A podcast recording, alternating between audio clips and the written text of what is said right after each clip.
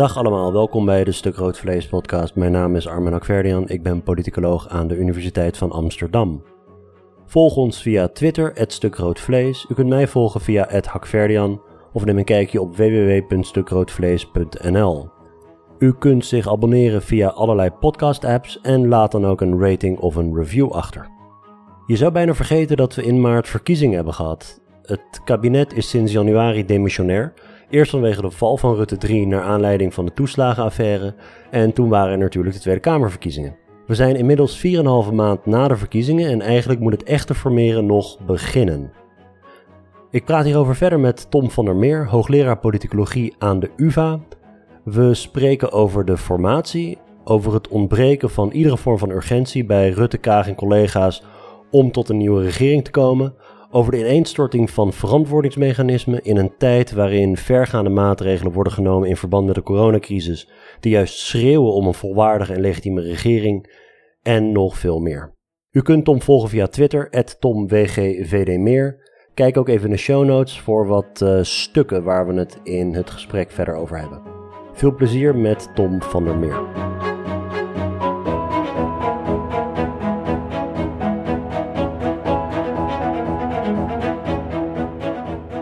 Tom, goedemiddag. Welkom bij de podcast.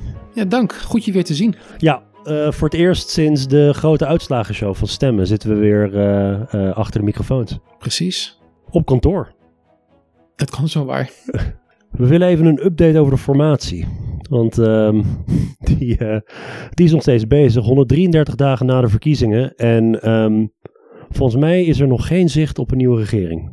Nee, we zouden eigenlijk kunnen denken dat die formatie nog eigenlijk echt van start moet gaan. Hij is nog niet eens begonnen eigenlijk. In, in, de beginfase. Ja. En uh, nou, nu we toch nog in de Olympische tijden zitten. Uh, we, we zijn inmiddels wel op plek 4 van de langste formaties uh, ooit aanbeland. En we moeten toch beginnen. Dus we hebben een redelijk uitzicht om misschien dat record, dat ook nog maar vier jaar oud is, weer te gaan verbreken. Sportzomer met politieke ja, records. ja, dus 133 dagen zijn we bezig. De langste formatie ooit was Rutte 3, 225 dagen. Uh, gemiddeld duurt een kabinetsformatie in Nederland sinds 1946, zonder allerlei tussenformaties en zo, 94 uh, dagen. Dus dit is, dit is al um, redelijk uitzonderlijk. En zoals je net zegt, het echte formeren moet nog beginnen. Ja, ja zeker. Um, en voor een deel kunnen we ook wel snappen waarom het zo lang duurt hoor dit keer. Er, er, er zijn meerdere onderzoeken geweest die hebben gekeken waarom sommige formaties langer duren dan andere. Het is een uh, heel mooi overzichtswerk geweest van uh, uh, twee Belgische collega's, Lieve de Winter en, en Patrick Dumont. Um, en er zitten een aantal verklaringen in van lengtes van, van formaties die heel erg direct toepasbaar zijn op Nederland. Een, een formatie duurt bijvoorbeeld langer als er meer partijen zijn, als de fragmentatie van het systeem groter is. We hebben in Nederland een van de meest gefragmenteerde systemen um, van, van uh, uh, gevestigde democratieën. Met heel veel kleine partijtjes. Het aantal partijen is ook nog verder toegenomen. Andere verklaringen ja. zijn dat als er grote partijen aan de extreme zijn, dat maakt het moeilijker. Nou hebben we meerdere partijen die wij tegenwoordig als radicaal rechts zouden beschouwen. En door andere partijen eigenlijk uh, in het verdomhoekje zijn geplaatst. Van die mogen niet mee onderhandelen. PVV, Forum voor Democratie. Uh, die ook inderdaad flink wat zetels daarmee afsnoepen. Dus ja, dat zijn allemaal wel, wel verklaringen waarom het zo lang kan duren. Dus je hebt het aantal partijen, je hebt eigenlijk een beetje de polarisatie, dat is hoe groot, hoe groot de flanken zijn. Zijn dat de twee belangrijkste factoren van hoe lang een uh, formatie zou duren? Nee, er zijn er wel meer hoor. Uh, belangrijk is natuurlijk ook eigenlijk wat je net impliciet al zei, dat verkiezingen uh, leiden tot langere formaties zo'n tussenformatie waar je het net over had. Er valt een regering uit elkaar en die moet gelijmd worden. Zoals uh, met Paars 2 gebeurde. Die viel uit elkaar, maar ging toch samen verder. Na de nacht van Wiegel, toen het referendum uh, uh, niet door de Eerste Kamer kwam. Of een, een, een kabinet valt en er moet een rompkabinetje verder. Zoals gebeurde met uh, Balkenende 2, dat Balkenende 3 werd. Zonder D66. Dat duurt meestal maar kort. Ik geloof dat de formatie van Balkenende 3, dus CDA, VVD zonder D66 iets van acht dagen heeft geduurd. Ja, precies. Dat zijn ook van die, uh, dat zijn uitzonderlijke situaties. Dat is niet echt een nee, conventionele formatie. Maar in het verleden was het in Nederland gebruikelijk dat uh, als een kabinet inhoudelijk viel, dat er nog een, een, een nieuwe geformeerd zou kunnen worden hmm. met andere partijen. Dat doen we tegenwoordig niet meer. eigenlijk is het nu al een jaar of pak een beetje 50 gebruikelijk dat als een kabinet valt, inhoudelijk, dat er daarna nieuwe verkiezingen worden georganiseerd. Maar daarvoor had je dus ook wel tussentijdse formaties. Maar dit, dus die, die, een aantal van die oorzaken hebben echt te maken met het partijstelsel. Maar um, ik kan me voorstellen, je hebt ook uh, landen waar waarschijnlijk de het initiatief of wie de onderhandelaar is of zo, dat dat misschien nog uitmaakt? Of heeft het echt puur te maken met die partijstelsel? Uh? Nou, het, er, er zitten verklaringen op op heel veel manieren. Um, we hebben in Nederland natuurlijk ook wel een soort van initiatief dat dan ligt bij de grootste partij. Ja. Uh, die als eerste een poging mag gaan doen. Ja, in een heel erg gefragmenteerd stelsel ligt dat wel iets lastiger. Um, maar er zijn wel twee manieren waarop dat initiatief wel uitmaakt. De eerste is dat in landen met een, een semi-presidentieel stelsel uh, het sneller formeren is. Want dan kan zo'n president kan dan ingrijpen in het proces en zeggen van jongens, nu opschieten. Ja. Dat hebben we in Nederland eigenlijk niet. De Tweede Kamer is de initiatiefnemer, maar die is ook degene die eigenlijk aan het onderhandelen is. Ja. Uh, dus dat is één, één uh, element. En een, uh, een andere is dat je landen hebt waar echt een duidelijke kernpartij aanwezig is. Zoals vroeger de Sociaaldemocraten in Zweden. Of ja. in Nederland het CDA. En die partij die kon dan heel vaak kiezen hoe de regering eruit zou gaan zien. Want ja, die partij moest sowieso meedoen. Ja. Uh, en dan waren er één, misschien twee partijtjes nodig om dat aan te vullen. Um, en dat maakt het ook makkelijker vermeren. Nou hebben we in Nederland eigenlijk sinds 2006 niet meer zo'n kernpartij die in het midden staat en dan de ene keer met links en de andere keer met rechts kan gaan formeren. Maar Rutte bijvoorbeeld, uh, onder de VVD onder Rutte is wel uh, aanzienlijk groter dan de rest. Dat is niet een, dat is niet een soortgelijke kernpartij van een partij waar je eigenlijk niet omheen kunt. Uh, nou ja, ja en nee. Enerzijds zou je zeggen van wel, maar tegelijkertijd, de, de VVD heeft zelf uh, de partijen aan de rechterkant daarvan ja. uitgesloten. Ja. Dus daarmee is de VVD binnen het setje partijen dat voor de formatie aantrekkelijk is, eerder een flankenpartij. Uh, het is niet zoals het CDA voorheen, die dan afwisselend de ene en de andere keer de andere kant op kan buigen. Nee, de VVD moet naar links progressieve hoek enigszins gaan buigen voor een meerderheidscoalitie. Maar eigenlijk, je had uh, dus een beetje uh, samenvattend op verkiezingsavond, toen we zagen wat de uitslag was. Versplintering natuurlijk. inderdaad, ook polarisatie, grote partij op de flank hadden we eigenlijk wel kunnen verwachten dat dit een lange formatie zou duren. Nog even los van alle dingen die daarna zijn gebeurd, hè, want daar zullen we straks ook bij stilstaan. Uh, dat hadden we waarschijnlijk niet kunnen vermoeden, wat er toen is gebeurd, die weken na de verkiezingen. Maar dit, een, dit ging nooit uitlopen op een korte formatie, deze verkiezingsuitslag. Ja, het was niet zoals 2012 dat er duidelijk twee grote partijen waren die eruit moesten komen met elkaar. En dan ook genoeg hadden aan elkaar. Dus ja. Toen VVD en PvdA. Dat was het duidelijk niet. Uh, dus mijn korte antwoord is ja. Maar het heeft er ook mee te maken dat voor de verkiezingen niet duidelijk was uitgesproken wie met wie had willen gaan regeren. Dat had Nee. het ook makkelijker gemaakt. Nee, dat is natuurlijk een, uh, dat, dat is een, een frustratie die we vaker hebben uitgesproken, deze podcast, trouwens ook bij stemmen, is dat de kiezer eigenlijk heel weinig betrokken is bij dit proces. Omdat partijen die willen niet zeggen, want die zeggen ja, wie met wie, dat, dat komt na de verkiezingen. En dan heb je als kiezer heb je eigenlijk geen, geen houvast om, om die machtsvorming te Ja, dat, bepalen. was, dat was ook zo gek, want er wordt altijd, het wordt altijd verdedigd met het idee: eerst is de kiezer aan het woord. Ja, Maar de kiezer kan niet aan het woord raken als niet duidelijk wordt gemaakt wat alternatieven zijn. Ja. Dan wordt het gewoon een kakofonie. Ja, ergens dacht ik, ehm, zeg maar je hebt natuurlijk, het was 133 dagen na de verkiezingen, dus, maar we hadden ook een demissionair kabinet sinds mid-januari, wat bijna 200 dagen geleden is. En normaal gesproken, ja, die vier partijen die Rutte eh, drie vormden, je zou kunnen zeggen, op verkiezingsavond, het was duidelijk dat die partijen getalsmatig door zouden kunnen gaan dat dat een, een, een factor was die misschien juist tot een kortere formatie zou kunnen leiden.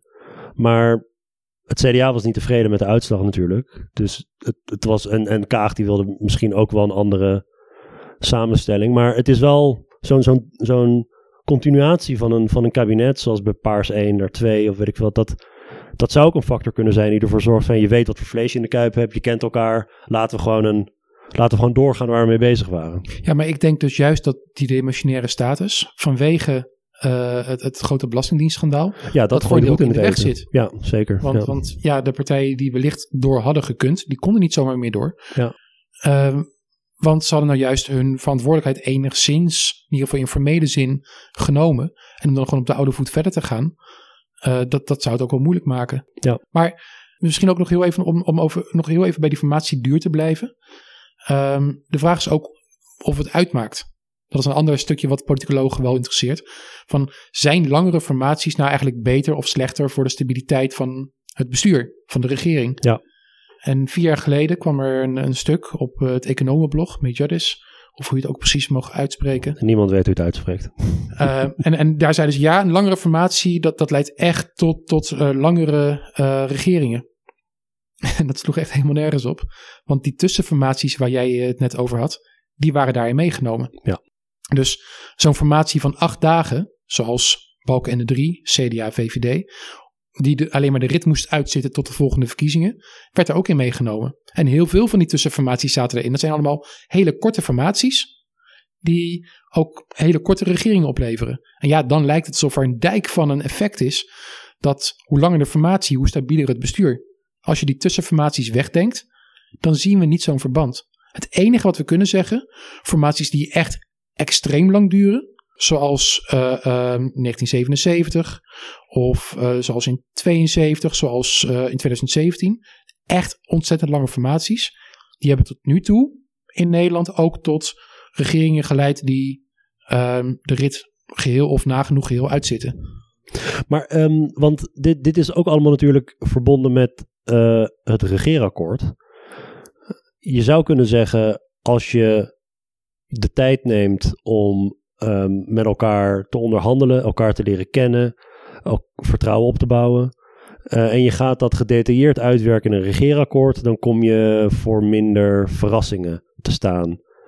Um, en daardoor is er volgens mij vanuit Politiek Den Haag ook altijd een beetje weerstand tegen korte regeerakkoorden. Want uh, ja, dan kom je ineens, dan, dan is de kans groter, is de perceptie dat je tijdens de rit uh, het oneens wordt en dat het klapt.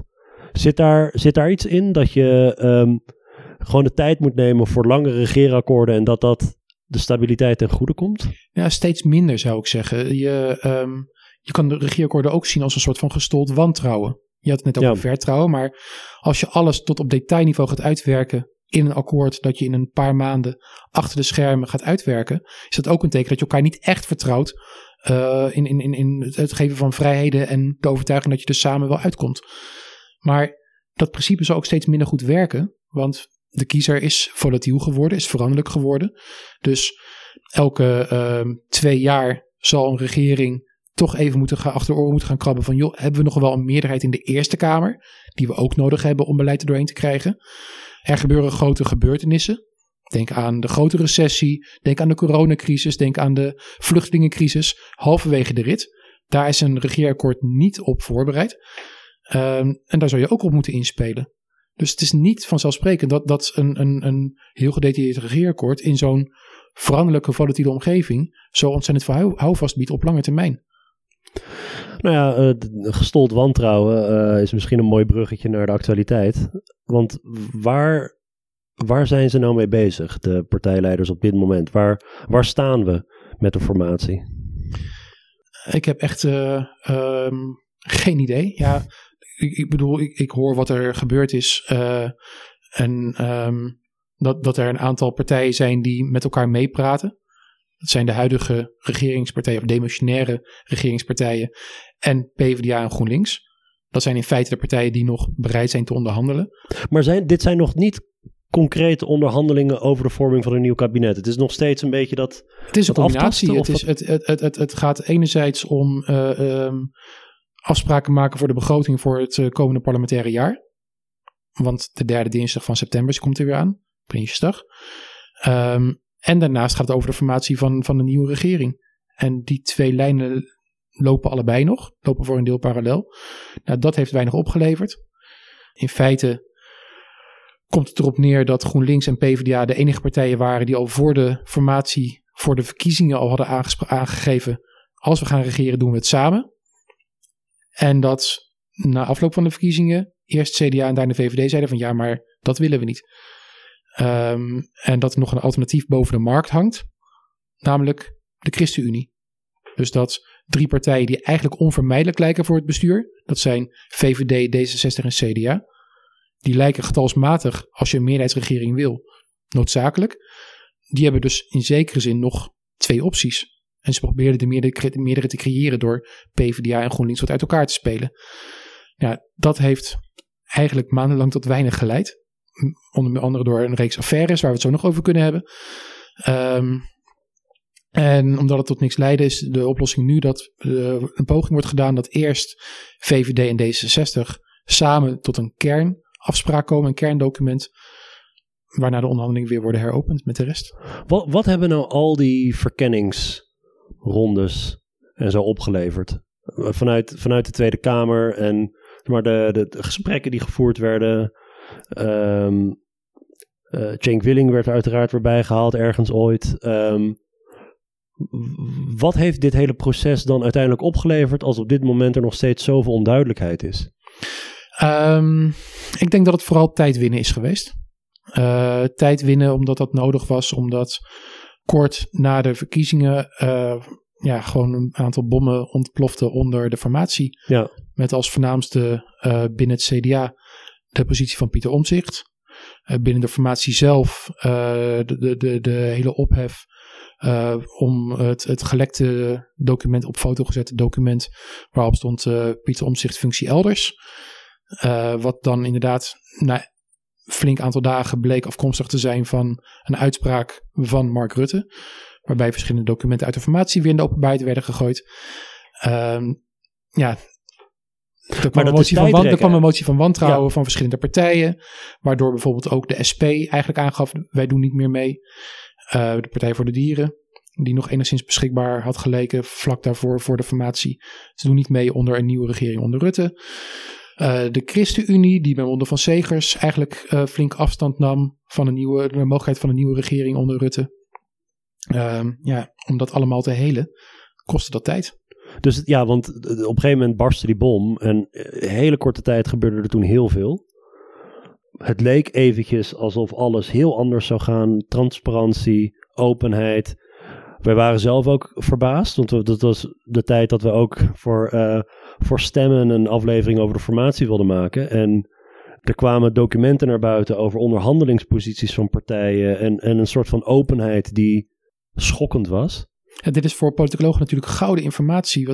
Er, er zijn politicologen die vanuit hele formele modellen proberen te voorspellen welke coalities eruit komen. En, en eigenlijk is een van de, de, de, de, ja, de, de, de missende links in, in die modellen is heel vaak. Wat is nou de werkelijke onderhandelingspositie die partijen proberen in te nemen? De input die ze, die ze geven. En opeens werd die blootgelegd. Ja, Volgens en, mij gaan politicologen hier nog heel lang gebruik van maken. Maar uh, fast forward, uh, honderd dagen later. En het was allemaal tijdrekken, zodat ja, ik, ik, misschien zodat de storm ging liggen. Rutte die heeft de hele tijd gezegd in die periode ook van we moeten even afstand nemen van elkaar. Uh, laat de emoties nou eventjes uh, tot bedaren komen. En dan zien we wel verder. En het lijkt alsof de afgelopen maanden alleen maar in het teken stonden van tijdrekken. En misschien toch ook um, ja, dat, dat het publiek ook dit zou vergeten. Want ik heb geen andere verklaring waarom, waarom dan waarom het, waarom het zo'n hele merkwaardige stille periode is na die bom die is gebarsten. En na al die mooie verhalen over bestuursculturen en transparantie en noem maar op. Um, het is alsof er gewoon op een pauzeknop is gedrukt. En wat wonderbaarlijk is, is dat het niet bepaald een, um, een, een, een makkelijke periode is. We zitten in een extreem diepe crisis waarbij je toch zo snel mogelijk een legitiem missionair kabinet met daadkracht wil hebben. Maar die urgentie die is totaal niet aanwezig, lijkt het. Nou, daar verbaas ik me ook gewoon uh, het, nog het meest over, inderdaad. Dat, dat het proces zo moeizaam verloopt met zo weinig informatie.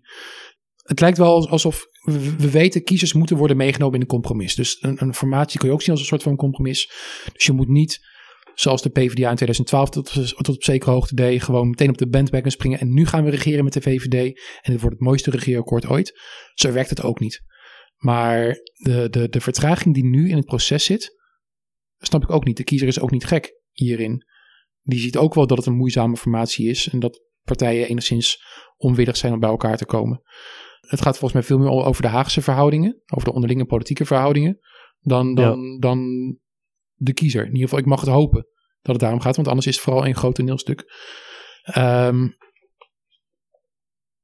maar kiezers in Nederland zijn gewend aan uh, coalitieformaties. en ik denk dat de meeste kiezers ook wel het basisidee zullen snappen dat hoe meer partijen je hebt, hoe moeilijker het is en hoe langer het duurt. En, maar dat accepteren ze wel, zolang het duidelijk is dat er partijen rond de tafel zitten die zich uit de naad werken om tot een regeerakkoord te komen. Ja, het, het meest vreemde vind ik aan de situatie dat um, enerzijds duurt het heel lang omdat we dus maar relatief weinig partijen over hebben die bereid zijn tot het formeren van een nieuwe regering.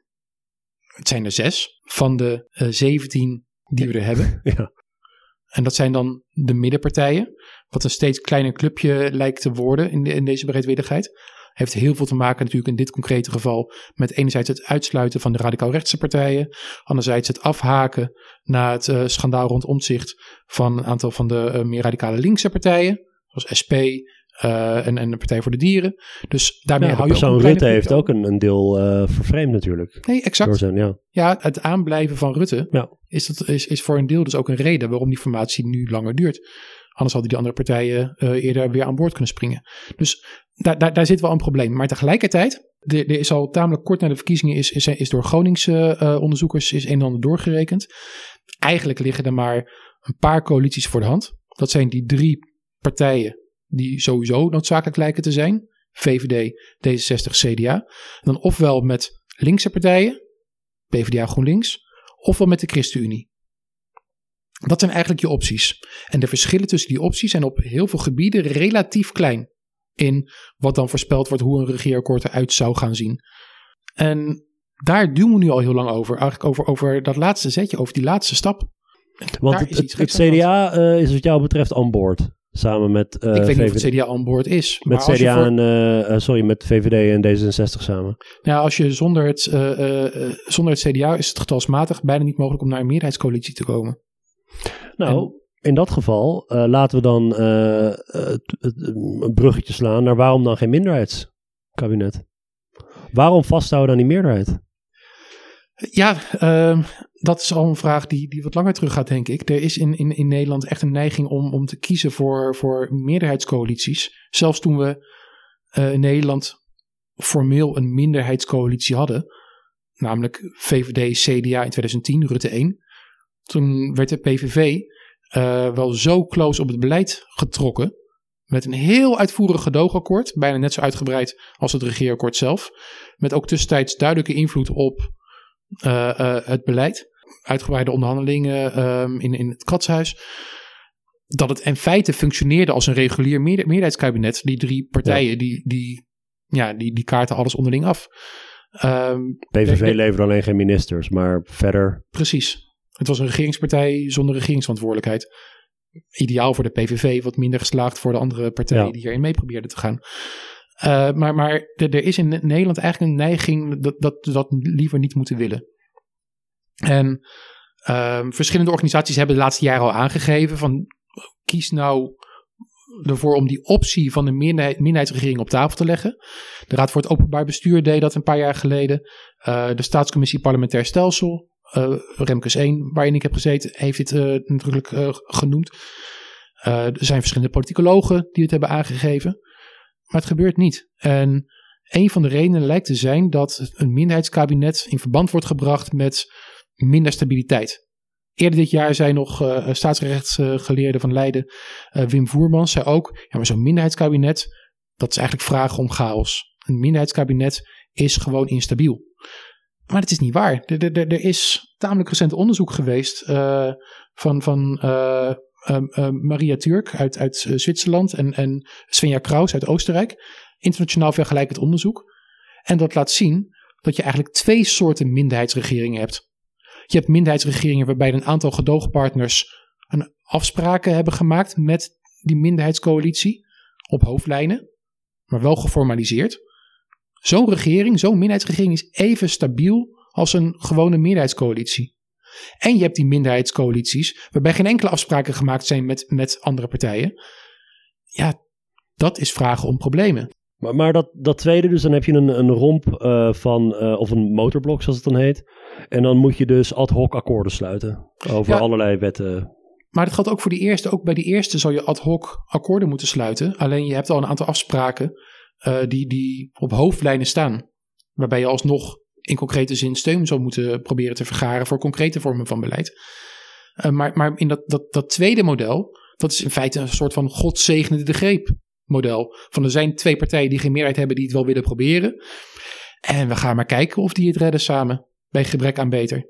En dat is nu ook een beetje mijn angst. Dat door de situatie, door de omstandigheden. De verhoudingen zo verzuurd kunnen raken tussen die zes onderhandelende partijen. Dat uiteindelijk maar voor een motorblok wordt gekozen. VVD D66 of uh, misschien het CDA er wel bij. Uh, en die bij gebrek aan beter dan maar met z'n drie zeggen: ja, dan proberen wij het wel, of dan doen wij het wel. Zonder dat ze die afspraken kunnen maken met gedoogpartners. Ja, dan wordt het toch wel weer een lastig verhaal. Ja, en zeg maar, die, het continu zoeken naar uh, werkbare meerderheden in beide huizen van, uh, van, van het parlement is iets wat in de afgelopen tien jaar aan de lopende band is gebeurd.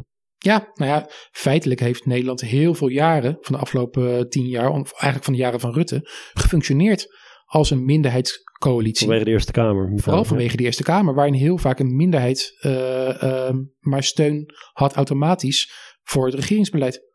Maar de, de, als we een minderheidskabinet zouden krijgen, is het omdat de meerderheidsoptie, zoals je net zei, is geprobeerd, niet is gelukt. En dan zie je de minderheidskabinet misschien in, in Den Haag als dit is eigenlijk het laatste wat we nog kunnen doen voor het uitschrijven van nieuwe verkiezingen. Maar het is niet een bewust, het zal nooit een bewuste keuze zijn, want het is gewoon iets te ja, exotisch, denk ik. Of ze durven het, niet aan. Ja, het past niet in onze cultuur op een of andere reden. Terwijl we in, in, een land als, als Denemarken of uh, in Zweden, tegenwoordig even een iets minder geslaagd voorbeeld, maar daar kunnen we zien hoe het ook kan werken. Dus in Denemarken, waar ook met gedoogconstructies wordt gewerkt, uh, waarbij de regering dan de ene kant, eh, soms een beetje naar links, maar vaak richting de gedoogpartner ja. helpt. In Zweden is net zo'n zo'n uh, um, gedoogconstructie geklapt. Dat kan er ook gebeuren. want ja, net zoals gewone regeringen kunnen ook minderheidsregeringen klappen. Maar over het algemeen is het een systeem dat werkt ook in een land met meerdere partijen. ik blijf het fascinerend vinden dat uh, Nederland zichzelf op de borst vaak klopt over die poldercultuur, de consensusdemocratie, kleine minderheden, uh, samen zoeken naar draagvlak.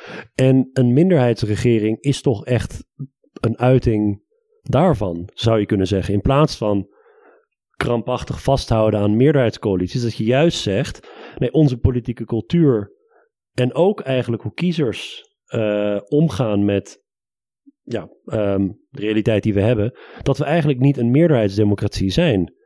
En een minderheidscoalitie zou juist heel Nederlands kunnen zijn. De politieke cultuur in Nederland is gebaseerd op coalities van minderheden. In plaats van zoeken naar de kleinst mogelijke meerderheid. Ja, en het zou ook nog eens een keer voordelen kunnen bieden voor de partijen zelf die eraan deelnemen. Want die zijn meer in staat om zich te profileren. Ik moet elke keer denken aan, aan de woorden van Alexander Pechtold in, in 2017. Die noemde die verkiezingen zo'n beetje de laatste kans voor het politieke midden. Om vervolgens na de onderhandelingen, die dus achter de schermen werden gevoerd voor een meerderheidscoalitie, eigenlijk de keuze te maken: wij gaan onze pijn niet laten zien. In de eerste jaar, anderhalf jaar van, van, van Rutte 3, hoorde je met name vanuit D66, maar ook vanuit het CDA te vaak de argumentatie van ja, wij staan voor onze handtekening. Die partijen profileerden zichzelf niet, want ja, ze hadden dat regeerakkoord ondertekend. In de minderheidsconstructie heb je meer mogelijkheden om aan te geven: jongens, hier staan wij voor en om die en die reden kiezen wij nu voor dit compromis. Ja. Um, en wat? Dat, dat is, sorry, maar dat is ook echt van belang als je kiezers aan je wil blijven binden. Als je kiezers wil meenemen in jouw posities, en in je compromissen tegelijkertijd. Als je wil blijven onderscheiden. Als je dat niet doet en je wordt gezamenlijk één pot nat, ja, dan ontstaat er pas echt ruimte voor nieuwe uitdagers vanuit de flanken of van buitenaf. Wat, wat vind je van de uh, demissionaire status van het kabinet? Uh, dat, dat eigenlijk sinds januari dus we een demissionaire regering hebben. Nou, die eerste paar maanden kun je zeggen, oké, dat was... De kabinet is gevallen vanwege een, een ja, vanwege de belasting, uh, de toeslagenaffaire. en um, ja, zo gaat dat soms. Dat kan gebeuren. Verkiezingen, um, na de verkiezingen, dat we zo lang demissionair zijn met nog geen zicht op een regering. terwijl er dus, zeker in de coronacrisis, besluiten worden genomen waarvoor je eigenlijk een volwaardige regering nodig hebt, puur vanuit de legitimiteit gedacht.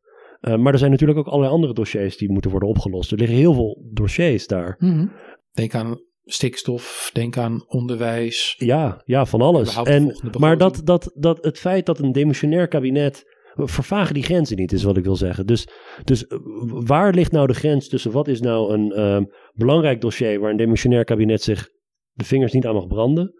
Allemaal op basis van normen trouwens. En um, de keiharde besluiten, vergaande besluiten die er worden genomen omdat het corona, of omdat het crisis is. Ja, nou, kijk, het, het, punt is, die besluiten dringen zich op. Uh, ja. Niet, niet het, specifieke besluit dat wordt genomen. Maar het is niet zo dat als uh, het, kabinet zegt: jongens, wij gaan terughoudender zijn. dat we dan niet te maken hebben met een coronacrisis. of een stikstofcrisis of wat dan ook. Dus het, het is een inherent ja, probleem. De wereld trekt zich in bal aan van het feit dat ons eh, kabinet een demissionaire staats heeft of niet. Um, maar hoe, hoe zou je weten dat dit. Stel dat je niet weet, dit is een demissionair kabinet. Aan welk gedrag zou je dat kunnen afleiden dat het toch demissionair is en niet dat het een gewoon kabinet is? Um, ik denk vooral aan de grote hoeveelheid wisselingen in de samenstelling van het demissionaire kabinet in de laatste maanden. Oh ja. um, daar zie ik het een beetje aan af. Maar waar ik het vooral niet aan afzie, en dat vind ik het meest zorgelijke, um, is, is uh, in de, de verantwoordingsprocessen. Er zijn een hoop schandalen en schandaaltjes de laatste weken, maanden. Uh, eigenlijk al met, met de Belastingdienst als, als grootste schandaal uh, daarvoor. Um, en ik heb het idee dat die verantwoordingsprocessen helemaal niet lekker lopen nu. Iemand ter verantwoording roepen is in Nederland toch al best wel moeilijk. Want verantwoordelijkheden worden altijd gedeeld over heel veel partijen en bewindspersonen en vorige kabinetten waar dan weer andere partijen in zaten. Dus dat maakt het echt heel lastig om ja, ergens een punt onder te zetten of iemand ter verantwoording te roepen. Um, maar we hebben de laatste maanden behoorlijk wat schandalen, waarbij dit, dit volgens mij steeds weer terugkomt. Of het nou gaat om schandalen rond de, de partijfinanciering, zoals die bij het eh, CDA oplaaiden, maar in bredere zin van toepassing lijken op uh, de, de, de, financiering van politieke partijen in Nederland. Waar ook die staatscommissie en een andere commissie rond de financiering van politieke partijen al een paar jaar geleden mee bezig waren. Of de, de, nog steeds voortwoekerende toeslagenaffaire. Dat is echt nog niet voorbij. Of uh, het schandaal rond Rutte in de formatie. Of uh, het schandaal rond. Mondkapjes en Siewert. Nou, mondkapjes en Siewert. Of het, het, het, het coronabeleid. Dat, waarbij een, een, een, een versoepeling wordt aangekondigd die niet stoelt op aanbevelingen. Um, of uh, het, het, het, het beleid rond de, de, de, de WOP. Waarbij beleidsstukken nog steeds helemaal zwart gelakt worden doorgegeven. Er zijn te veel schandalen. En, en die leveren dan even op. Die krijgen wat aandacht in de media. En ja. er wordt niks opgelost. Ze blijven hangen. En, en, en... Maar een missionair kabinet zou voor al deze. Stel dat dit onder een missionair kabinet was gebeurd, dan zou dat missionaire kabinet naar de Tweede Kamer moeten gaan om verantwoording af te leggen. En zou er wat op het spel staan? Of wat, hoe, wat, op, op welke manier gaat een demissionair kabinet andersom met dit soort schandalen dan een missionair kabinet? Ik denk, ik, ik denk dat, dat het, het, is niet inherent aan een missionair of demissionaire kabinet om daar anders mee om te gaan. Ik denk dat uh, het huidige kabinet enerzijds terughoudend is in, in, in het aanpakken van, van die problemen. Niet heel erg doortastend is in volledige openheid geven van informatie. Maar ook dat, dat omdat het kabinet al demissionair is, kan je, je kan nog steeds wel ministers wegsturen, staatssecretarissen wegsturen, heel harde opdrachten geven. Maar die eis lijkt toch wel even iets minder heftig nu. Uh, de dreiging daarvan is iets minder heftig, aangezien het kabinet als geheel al demissionair is. Ze hebben een dus beetje, ja, de Tweede Kamer kan iemand wegsturen, maar dat zou je toch minder gauw doen. Het is een soort uh, plot armor dat een demissionair kabinet heeft. Van, uh, ja, wat kun je ons nog maken? Ik bedoel, wij zijn toch al demissionair, lijkt het. Dus het, het geeft ze een soort van veiligheid, heb ik de indruk hoor, om, om te besturen. Om gewoon te besturen zonder gedoe. En af en toe naar de kamer te komen. Maar ja, wat kan de jongen bijvoorbeeld? Zo'n zo'n dansen met Jansen. Uh, dat zou, mag ik hopen, normaliter een enorme politieke crisis hebben veroorzaakt. Voor een mhm. minister van Volksgezondheid. Om willens en wetens uh, de bevolking misleidend uh, te informeren en, en dus in gevaar te brengen. zonder daarbij wetenschappelijk ehm, een basis daarvoor te hebben. Vanuit het ministerie en de RIVM hebben gezegd, ja, waar, waar, dat vandaan, ja, waar dat vandaan kwam, dat hij dat zei.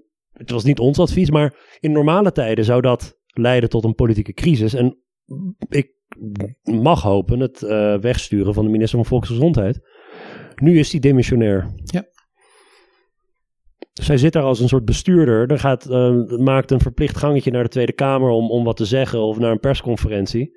En dan gaat hij weer verder met besturen. Alsof het een niet gekozen functie is. Ja, goed, hij is zelf niet direct gekozen natuurlijk, maar de, de regering zit er natuurlijk als gevolg van verkiezingen, legitimiteit verleend door de bevolking.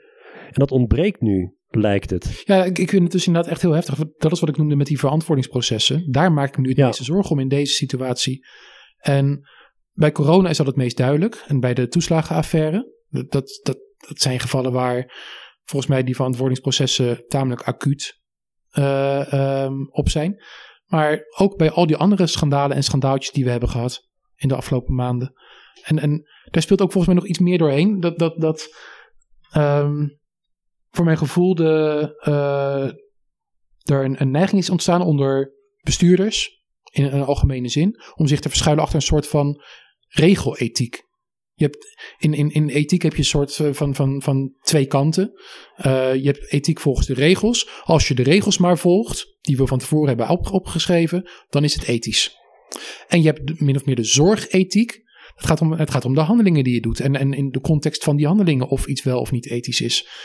En te vaak zie je nu van ja, maar dit is volgens het boekje gebeurd.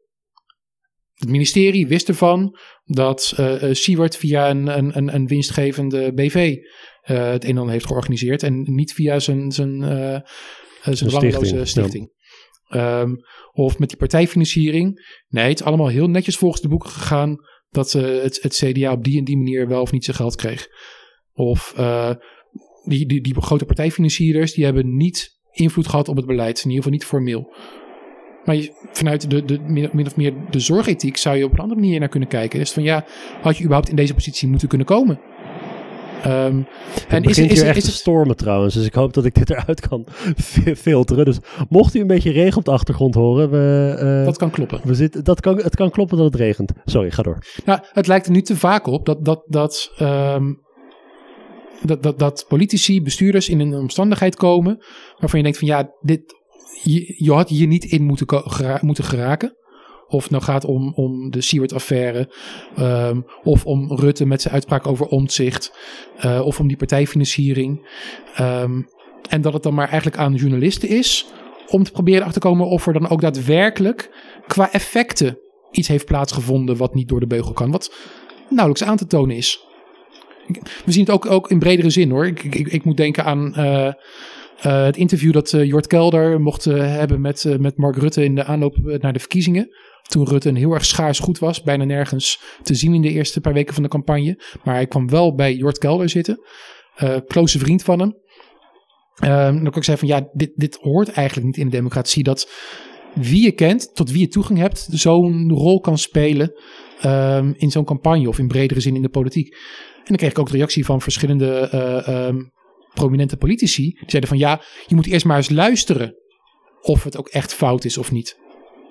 En ja. Ik, ja, nee, dat het volgens een of ander regeltje misschien mag, kan, maar je wil al niet in de positie komen dat verschillende rollen door elkaar heen kunnen gaan lopen. Dat je rol van partijman of je rol van persoonlijke vriend uh, door, uh, door de war gaat lopen met de rol van jou als premier of uh, jouw rol als journalist. Dat moet je zoveel mogelijk proberen te scheiden. Ik geloof heilig in een soort van poging tot, tot rolzuiverheid. Dat je je rollen echt probeert gescheiden te houden waar mogelijk. En een van de elementen in deze schandalen is volgens mij dat die rollen continu door elkaar heen lopen. Ook binnen de formatie. Ook binnen de formatie zien we nu dat ja, sommige van de onderhandelaars zijn ook minister in het zittende kabinet. Die rollen lopen dus ook door elkaar heen. Dat was vanaf het begin ook met de verkenners natuurlijk een uh, groot probleem. Nee, exact. Die matige verantwoording, om het zacht uit te drukken. Hè, dat, dat, één onderdeel van verantwoording is ook um, een tegenmacht hebben. Dus de, dat, dat was een van die buzzwords aan het begin van de formatieperiode. Want um, zo'n zo'n demissionair kabinet dat eigenlijk toch nog een beetje zijn eigen gang gaat en zich uh, aan, aan ja, niet veel aantrekt van, van allerlei verantwoordingsmechanismes. Je zou zeggen, er moet een instantie zijn om toch die regering bij de les te houden. Een tegenmacht. Wie doet dat? Een controlerende macht. Een, een kamer vol mensen die dat zouden kunnen. Gekozen mensen misschien. Gekozen mensen, is ook wel een goede inderdaad. Ja. Ja. Eens Ja. in de zoveel tijd. Door, door, de, door gewoon de hele bevolking. Door de bevolking van, gekozen. Jullie gaan de macht controleren. Ja. Ja, het zou een goed idee zijn. Nee, dat hebben we natuurlijk in de Tweede Kamer, maar eh, ehm, hier, hier speelt een ander buzzwoord doorheen. We hebben het, het, het, het probleem van monistische verhoudingen tussen regering en parlement. Wat wil zeggen dat eh, partijverhoudingen door dat hele idee van de Tweede Kamer als tegenmacht heen spelen. Een Tweede Kamer die zichzelf laat binden door een regeerakkoord, door partijloyaliteiten, Ja. ehm, heeft het moeilijk om tegen een kabinet hard op te treden. Zeker ook als er trouwens weinig alternatieve meerderheden denkbaar zijn eh, ten opzichte van die zittende regering.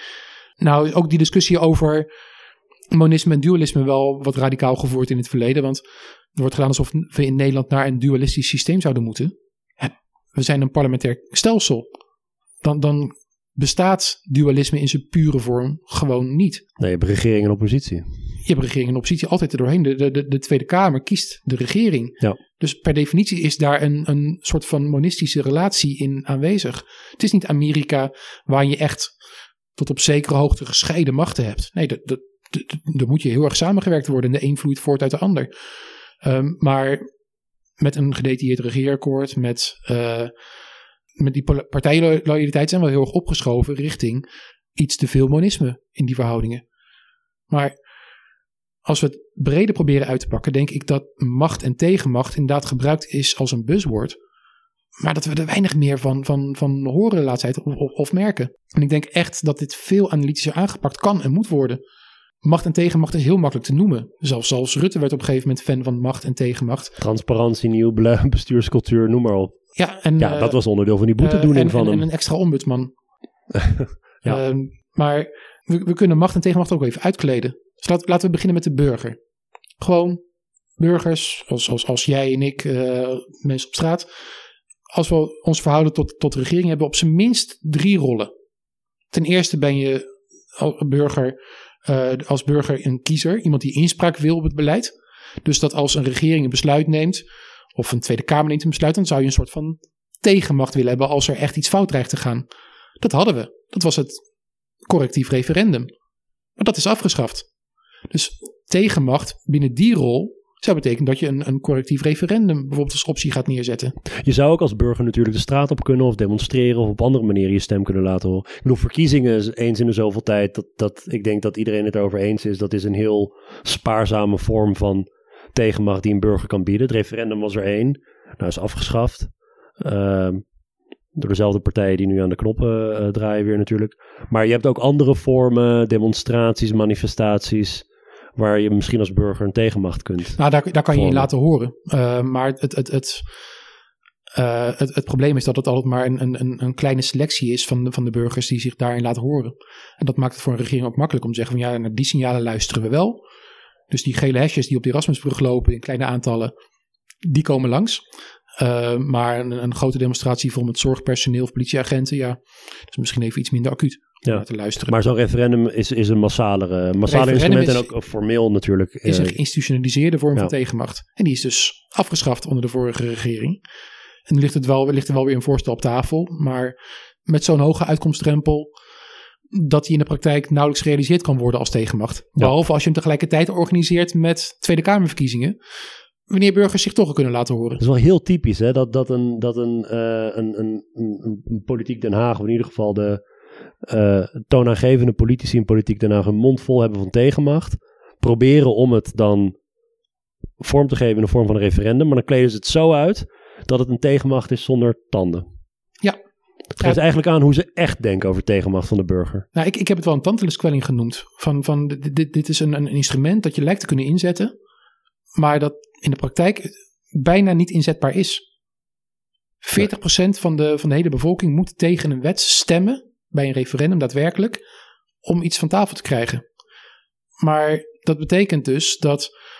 Stel dat 50% van de mensen komt opdagen. Ongeveer de helft. Ja, dan moet 80% daarvan tegen zijn. Dat is bijna niet te doen. En het is ook wiskundig gezien niet noodzakelijk om zulke grote aantallen aan opkomst te eisen voor een representatief beeld van de bevolking. Maar goed, dat is één rol. De, de, de rol van, van de burger als kiezer. Iemand die naar inspraak verlangt. Uh, je kan ook de burger beschouwen als, als onderdaan. Iemand die de wetten moet naleven. Maar als de tegenmacht is dat je toegang hebt tot het recht. Dus daar, daar is het recht in feite de tegenmacht tegen verregaande wetten. Maar ja, dan moet je de toegang tot het recht versterken als je die tegenmacht wil vergroten en die toegang niet juist moeilijker maken. Uh, dan wil je ook dat, dat uh, de bestuursrechter onafhankelijk genoeg staat ten opzichte uh, van het bestuur. En dat is nou iets waar, waar, waar um, de bestuursrechters behoorlijk op zijn gekraakt in de belastingdienstaffaire, in de toeslagenaffaire, dat ze te veel hadden meegedacht met het bestuur. En, en de derde rol van, van burgers is dat ze eigenlijk cliënt zijn van de uitvoeringsinstanties. Daar zijn ze verplicht tot op zekere hoogte klant van. En als je daar meer tegenmacht in wil, dan moet je dus ook ervoor zorgen dat binnen de wetgeving er meer opt-out mogelijkheden zijn. Dus, dus uh, uh, bepalingen dat er uitzonderingsgevallen mogelijk zijn. En dat betekent dat je als cliënt recht hebt op, op volledige informatie wat er over jou beschikbaar is en wat er tegen jou wordt gebruikt. Of dat er ruimte is voor de ombudsman, dat als die iets signaleert, dat je dat als politiek ook echt heel erg serieus neemt. Maar ook daar zien we gewoon die tekortkomingen. Dus alleen al vanuit het perspectief van de burger zie je al drie rollen waarin tegenmachten geïntroduceerd kunnen worden, kunnen versterkt kunnen worden. Maar ik zie dit analytisch nog niet zo worden aangepakt. En dan heb ik het nog niet gehad over tegenmachten binnen de overheid zelf. We noemden net de Tweede Kamer. Ja, hoe kan je nou de rol van de Tweede Kamer versterken? Ik denk dat het allereerst te maken heeft met, met rolbewustzijn. Dat de Tweede Kamer erkent dat zij daar zitten ter controle. Um, en dat ze, dat ze de volksvertegenwoordiging zijn. En niet primair uh, uh, medewetgever. Maar dat, dat die verschillende rollen tegelijkertijd moeten kunnen bestaan die ze hebben. Um, dat je daar meer parlementaire ondersteuning wil. Of nou, vooral vanuit commissies. Zodat je ook als Kamer meer gewapend bent om een tegenmacht te zijn. Maar ook dat je als, je als Kamer minder snel laat binden door een regeerakkoord, door coalitiediscipline.